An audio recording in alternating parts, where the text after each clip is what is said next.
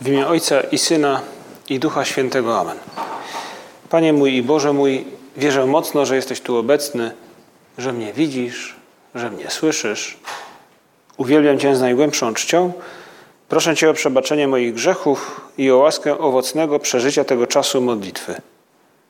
Matko moja niepokalana, święty Józefie, Ojcze i Panie mój, Aniele stróżu mój, wstawcie się za mną. W dzisiejszej modlitwie pomaga nam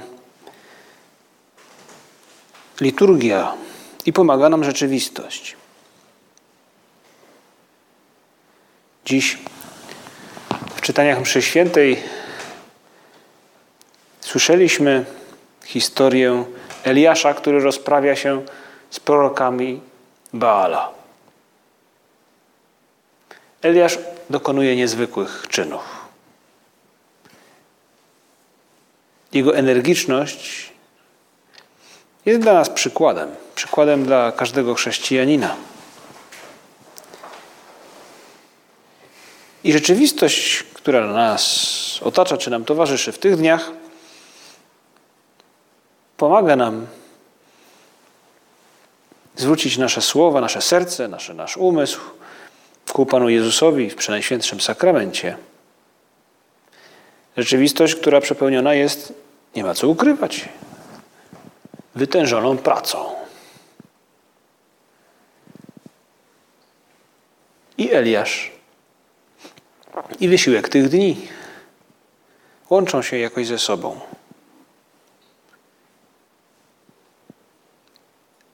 To, co dzieje się z Eliaszem, pomaga nam zrozumieć, jaki jest sens tego, co czynimy, dlaczego tak się, warto się starać, dlaczego warto się tyle uczyć, dlaczego warto przemagać się, kiedy nie chce mi się, nie daję rady, mam już dosyć.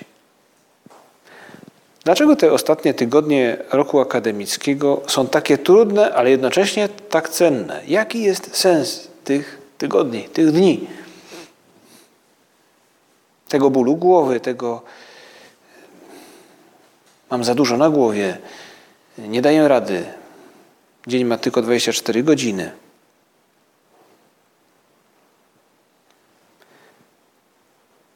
Porozmawiajmy z Panem Jezusem o tej ostatniej prostej przed latem, przed wakacjami. Spójrzmy na to, co dzieje się z Eliaszem, na to, co dzieje się też z Panem Jezusem w Ewangelii, by zrozumieć lepiej, zobaczyć wyraźniej sens naszej pracy, sens naszego wysiłku, sens naszej wytrwałości.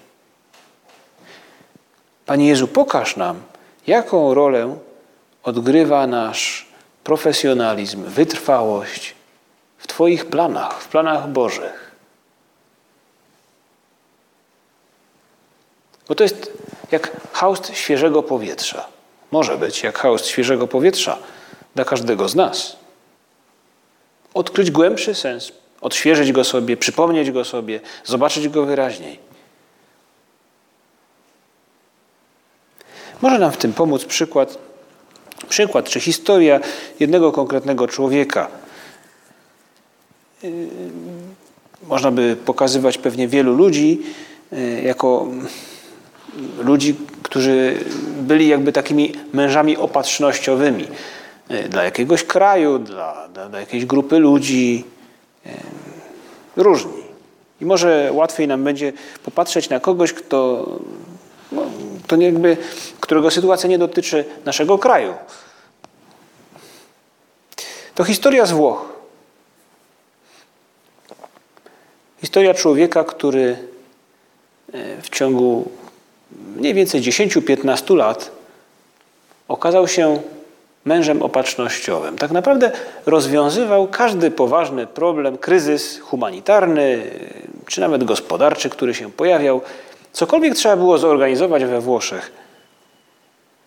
Pomiędzy 2010 i no, 2008 i 2015 rokiem e, powierzano jednemu człowiekowi bo chciano mieć gwarancję, że to zostanie wykonane i co więcej, że często ci, którzy mają zostać w jakiś sposób uratowani, zostaną faktycznie uratowani. Niejaki Guido Bertolaso. Taki niezależny trochę ekspert. I był znany, czy jest znany jako człowiek, który zawsze brał byka za rogi. Gdy we Włoszech pojawił się kryzys związany, to powieszanie z mafii, z różnego rodzaju trudnościami. W pewnym momencie we Włoszech, przynajmniej w pewnych miastach, w pewnych regionach okazało się, że, e, że nie wywozi się śmieci. Nie wiadomo dlaczego. Tajemnicze, ale rzeczywiste. Hałdy, sterty, śmieci. I nagle pojawia się ten człowiek sprowadzony przez rząd oczywiście, wysłany i porządkuje. Gdy wybucha wulkan, ten człowiek wezwany jest po to, żeby zapobiec skutkom tego wybuchu. Trzęsienie ziemi, setki tysięcy ludzi bez dachu nad głową. Montuje szpitale polowe, tymczasowe domy.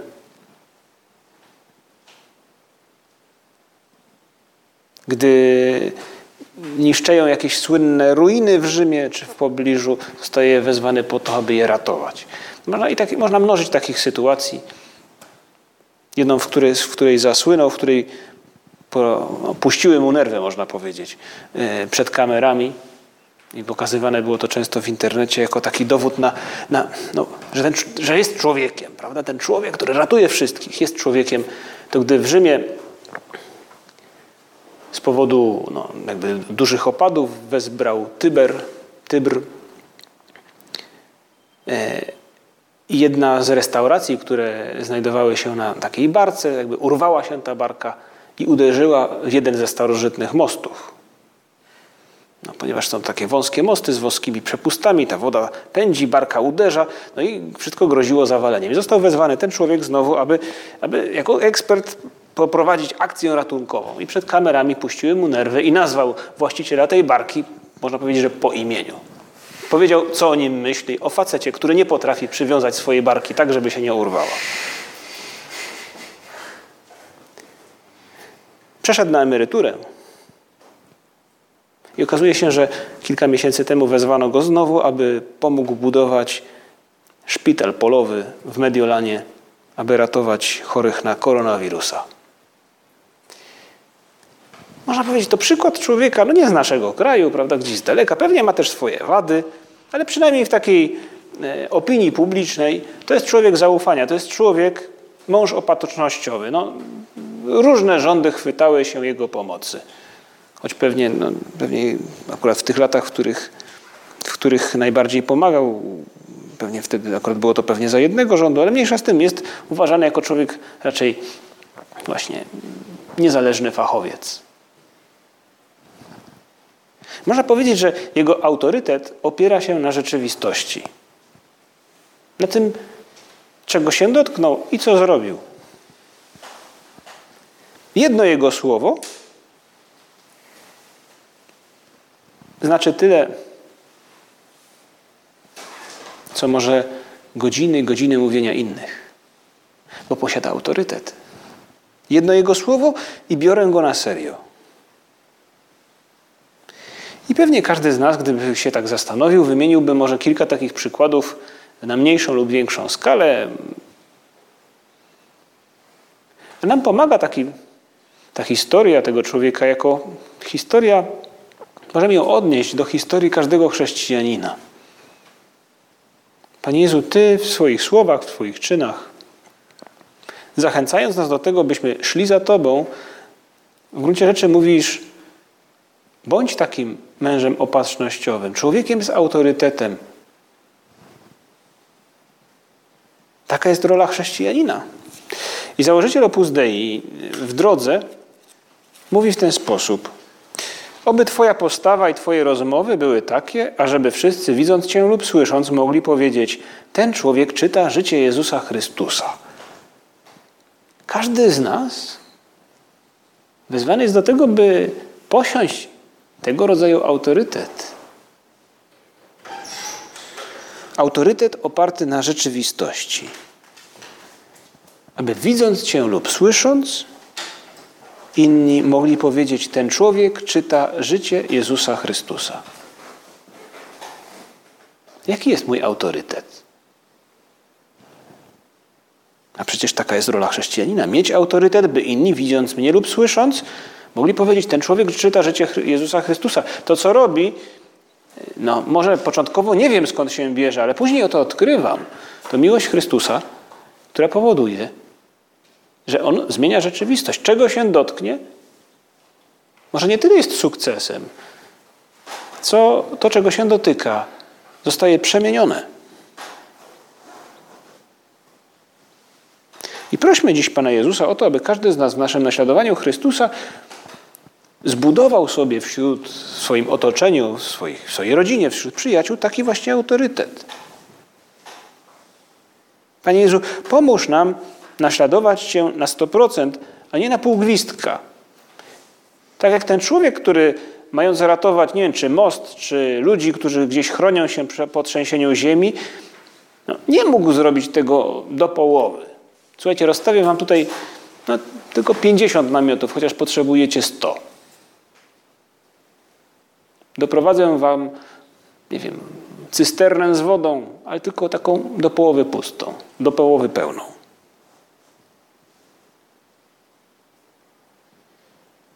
Panie Jezu, pomóż nam naśladować Cię w stu procentach, aby inni, widząc nas lub słysząc, mogli powiedzieć, a, to jest uczeń Chrystusa.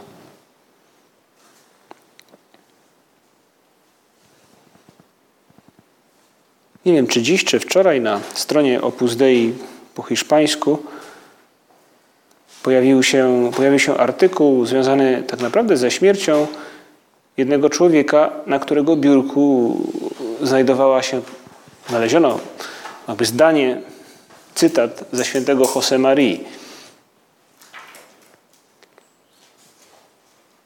To opis jakby tak naprawdę historii jednego zdjęcia i opis trochę tego zdania. Jak to zdanie, wielu no, człowiek był widać znany, bo, bo pisały o nim gazety w Hiszpanii. To historia jednego zdjęcia i zdania, które inni znaleźli na jego biurku i powiedzieli, tak, ten, ten facet tak żył. Jest takie zdjęcie, czarno-białe zdjęcie, znane mniej więcej wielu ludziom. Zdjęcie świętego Jose Marii na kampusie Uniwersytetu Navarry w Hiszpanii, który otoczony różnymi ludźmi, rodzinami, e, podnosi jakby małe dziecko, takiego bobasa, taki typowy bobas, gruby taki, grubas taki. Ale blond włosy, mm, uśmiechnięty. Widać, że święty Josemaria też się śmieje, inni się śmieją. Taka radosna atmosfera. Dobre zdjęcie, fakt, ujęcie. To ten człowiek, ten człowiek, który właśnie zmarł. Nie, mógł mieć rok, może dwa lata. Niejaki Fran, tak go nazywano.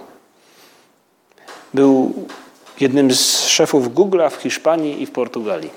I, I, być może właśnie dlatego piszą o nim w gazetach, w internecie, ponieważ na jego biurku znaleziono zdanie, które jakoś łączy się z tym spotkaniem, gdy był małym dzieckiem. Widać, widać to spotkanie jakoś przyniosło owoce, bo na jego biurku znaleziono cytat z jednej homilii świętego Josemarii. Ten cytat mówił tak. Musimy postępować w taki sposób, aby inni, widząc nas, mogli powiedzieć: To jest chrześcijanin, ponieważ nie nienawidzi, ponieważ roztacza pokój, ponieważ miłuje. Te artykuły, ci ludzie, którzy wspominają tego człowieka, który zmarł mm, na chorobę nowotworową, e, mówią: Teraz rozumiem, on tak żył. To jego uśmiech, to jego bliskość, Można powiedzieć, że ten człowiek zbudował sobie autorytet swoją fachowością i swoim humanizmem, który rodził się z miłości do Chrystusa.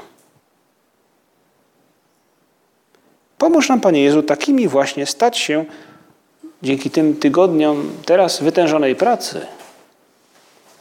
Teraz budujemy naszą świętość.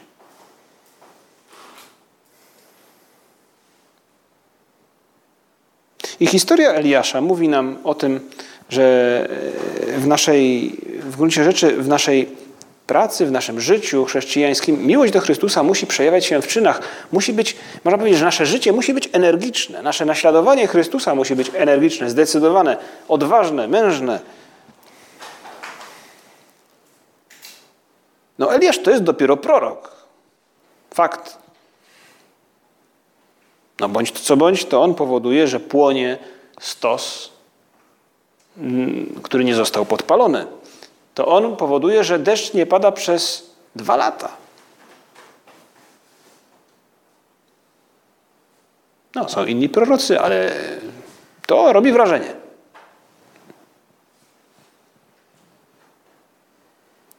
Eliasz stawia czoła prorokom Baala, nie po to, aby ich zniszczyć, nie po to, aby ich zlikwidować, nie po to, aby e, jakby zdobyć sławę czy, czy, czy, czy poważanie. On to czyni po to, aby prawda dotarła do serc Izraelitów. Tak kończy się ta historia. Eliasz kocha Boga, jest mu wierny i pokazuje to w czynach. Prorocy Bala to błazny, oportuniści i oszuści. Energiczne działanie Eliasza jest potrzebne jego otoczeniu. Tak opowiada tę historię księga, pierwsza księga królewska. Nie da się nie uśmiechnąć, kiedy czyta się tę historię, bo, no bo, no bo to jest jak, nie wiem, jak z filmu, jak z komedii, no bez przesady, bo, bo dla proroków Baala ta historia nie kończy się zbyt dobrze. Ale to jest historia w gruncie rzeczy poważna, bo dotyczy niewierności Izraela i chwiania się Izraelitów. Czy trwać przy Bogu, który ich stworzył, który z którymi zawarli przymierze? Abraham, Noe, Jakub, pozostali patriarchowie, Dawid.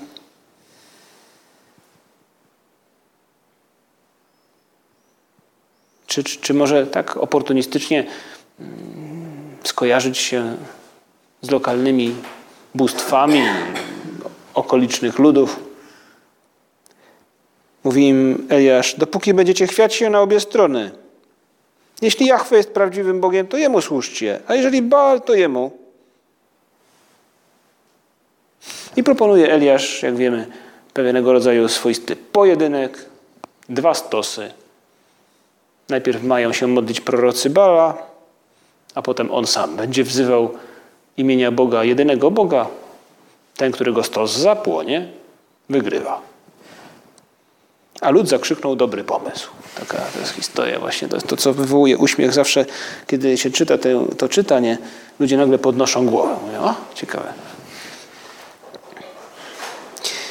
I księga, pierwsza księga królewska, można ją sobie przeczytać, opisuje dosyć tak szczegółowo, jak to ci prorocy Baala krzyczą, wzywają Baala i nic się nie dzieje. A potem Eliasz, który e, przygotowuje ten stos, oblewa go trzykrotnie wodą, żeby nie było wątpliwości. Słuchajcie, to jest mokre, nie da rady, to, to, no, to, to nie zapłonie samo z siebie. I gdy wzywa imienia Boga, Ogień Boży pochłonął i stos, i ołtarz, ofiary, kamienie, wszystko. Cały lud to ujrzał i upadł na twarz, a potem rzekł: Naprawdę Jahwe jest Bogiem. Naprawdę Jahwe jest Bogiem. Dwa razy powtarzają Izraelici, bo widzą energiczne działanie Eliasza. Naprawdę Pan jest Bogiem. Naprawdę Pan jest Bogiem. I to wydarzenie tak jakby, no nie wiem, czy humorystyczne, z naszej perspektywy trochę tak patrzymy, bo, bo nas tam nie było. Nie wiem, po której stronie każdy z nas by się znajdował. Fakt jest, że to wydarzenie wydaje nam się mocne i działanie Eliasza przynosi skutek, którego Bóg oczekiwał. Ale do tej sytuacji w jakiś sposób odnosi się też Pan Jezus w Ewangelii, dzisiejszej Ewangelii. Eliasz połączony jest z czasami Chrystusa, bo mówi Chrystus tak. To jest jakby y, historia toczy się tuż po tym, jak Chrystus wygłosił, czy jest to część kazania na górze, tuż po tym, jak Chrystus mm, opowiedział, wyznaczył, zapowiedział osiem błogosławieństw. I mówi tak, to co ja teraz robię, jakby ogłaszam moje przesłanie, mówi tak, nie sądźcie, że przyszedłem znieść prawo albo proroków. Nie przyszedłem znieść, ale wypełnić. Zaprawdę powiadam wam, dopóki nieba, niebo i ziemia nie przeminą, ani jedna jota, ani jedna kreska nie zmieni się w prawie, aż się wszystko spełni. Nie przyszedłem znieść prawo, ani nie przyszedłem znieść proroków. Nie, nie dotyczy to tylko e, nic, niczego z tego, co, co Pan Bóg powiedział. Pan Jezus nie chce jakby odwoływać, zmieniać. Nie, nie, chce to wypełnić. Ale mówi też, także styl proroków jest aktualny. I w tym możemy dziś, Panie Jezu, wsłuchać się w Twoje słowa, popatrzeć na Eliasza i pomyśleć sobie, to faktycznie jest facet, który nie ucieka, nie ucieka od wyzwań. To jest człowiek z autorytetem. Zbudował sobie autorytet. W rzeczywistości, w czynach, nie w gadaniu. Tak jak ten, co ratuje od trzęsienia ziemi, czy, czy, czy organizuje inne rzeczy dla społeczeństwa. Mąż opatrznościowy, autorytet, oparty na faktach. Nie ucieka od wyzwań. Chwyta byka za rogi. I chwilę wcześniej, we wczorajszej Ewangelii to słyszeliśmy, Jezus Chrystus mówi, wy jesteście solą dla ziemi. Lecz jeśli sól utraci swój smak, czymże ją posolić? Na nic się nie przyda, chyba na wyrzucenie i podeptanie przez ludzi. Energiczny Eliasz jest dla nas przykładem, bo my, Panie Jezu, słuchając Twoich słów, widzimy, że mamy tę właśnie misję być światłem, a światłem będziemy jedynie tylko wtedy będziemy nim. Jeśli będziemy ludźmi z autorytetem, z pewnego rodzaju prestiżem, jeśli no, te nasze wysiłki, które teraz podejmujemy w naszej pracy, walka z byle jakością, ze zniechęceniem, wytrwałość, one służą właśnie temu. Być na tyle doskonałym w mojej pracy, w zajęciach, na ile jest to możliwe. Bóg nie oczekuje od nas czynienia cudów na miarę Eliasza, ale oczekuje od każdego z nas tej determinacji, tej, no, tej, tej energii. To energiczne działanie Eliasza ma przełożenie na nasze życie, na nasze życie duchowe, gdy energicznie staramy się zdobyć jakiś, no, jakiś dobry cel, bądź gdy energicznie staramy się walczyć z jakąś pokusą, albo energicznie uciekamy od jakiejś okazji do grzechu, sytuacji ryzykownej. No. Eliasz jest dla nas przykładem. On mógłby sobie siedzieć cichutko gdzieś tam. No, 500 proroków kontra jeden. Po co w ogóle się wychylać? Ale on walczy o prawdę. Jego energiczne działanie jest dla nas przykładem nie tylko w życiu duchowym, ale też w relacjach z innymi ludźmi. Gdy to wymaga dużego, dużej, dużego męstwa zaprzeć się samego siebie, by służyć innym. Gdy jesteśmy zmęczeni, gdy mamy różnych rzeczy dosyć. I także ta energiczne działanie Eliasza jest dla nas pomocą, przykładem solidnej pracy, gdy mężnie musimy walczyć z lenistwem, gdy, gdy, gdy kosztuje nas wytrwałość, e, opieranie się zniechęceniu. I w tym byciu solą i w tym byciu światłem, także jak Pan Jezus mówi później, ten autorytet, który budujemy naszą, naszym, naszym profesjonalizmem, naszą, naszą pracą teraz, naszą nauką, robieniem rzeczy do końca, y, ten autorytet w gruncie rzeczy jest kluczem dla nas do dialogu ze światem. Ze światem, który nie zna Boga. Bo z jednej strony nasz profesjonalizm uzasadnia nasze miejsce w świecie, e, bo nie jesteśmy z innego kosmosu niż inni. Chrześcijanin to nie jest ten, który prawda, podśpiewuje pod nosem mm, pobożne pieśni. No, może, je, może sobie podśpiewywać czy nucić, ale to nie daje mu e, jakby, mm, nie, nie legitymizuje go w świecie. To, co nas legitymizuje w świecie, to, że jestem fachowcem, że mam jakiś autorytet, jako właśnie człowiek, który, jak ten, jak ten, ten człowiek z Google'a, który zmarł w Hiszpanii, jeden z szefów, no, bo nie nienawidzi, bo daje pokój. To jest to, co mnie, co jest kluczem dla mojej obecności w świecie. Jestem jednym z, z innych. Nie jestem kosmitą. I tym bardziej ta nasza pozycja, ten prestiż, profesjonalizm jest nam potrzebny, nam chrześcijanom, kiedy ten dialog czasami staje się konfrontacją, jak w historii pierwszych chrześcijan. Oni podbili świat, często konfrontując się ze zwyczajami, które nie były chrześcijańskie, czy, czy, czy różnego rodzaju sytuacjami trudnymi. Czasem nie, nie bojąc się ofiarować własnego życia za prawdę. Nie jesteśmy z innego kosmosu. I wytężona praca ma sens. To jest nasz chrześcijański obowiązek, bo tylko my możemy dialogować, rozmawiać, jakby spotykać się z innymi w świecie dzięki temu. My, można powiedzieć, fachowcy.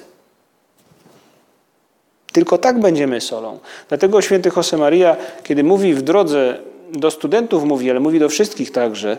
Mówi tak, modlisz się, umartwiasz, angażujesz w tysiąc dzieł apostolskich, ale nie uczysz się. Nie będziesz pożyteczny, jeśli się nie zmienisz. Nauka, formacja zawodowa, jaka by nie była, to dla nas poważny obowiązek. Nie będziesz pożyteczny. I to nie jest mania opus dei. Nie. To jest miłość Chrystusa nas przynagla, jak mówi święty Paweł. Caritas Christi urget nos. Inni na nas czekają. My naprawdę chcemy zmienić świat. Dlatego jest to obowiązkiem, dlatego nie będziesz pożyteczny. Albo może na odwrót, będziesz pożyteczny, jeśli wygrasz tę walkę o wytrwałość. I rozumiejąc, jaki to ma sens. Nie tylko zaciskając zęby, jeśli przetrwasz ten okres, który jest trudny, no, mam wiele na głowie, pewnego rodzaju ciśnienie, stres przeżywam.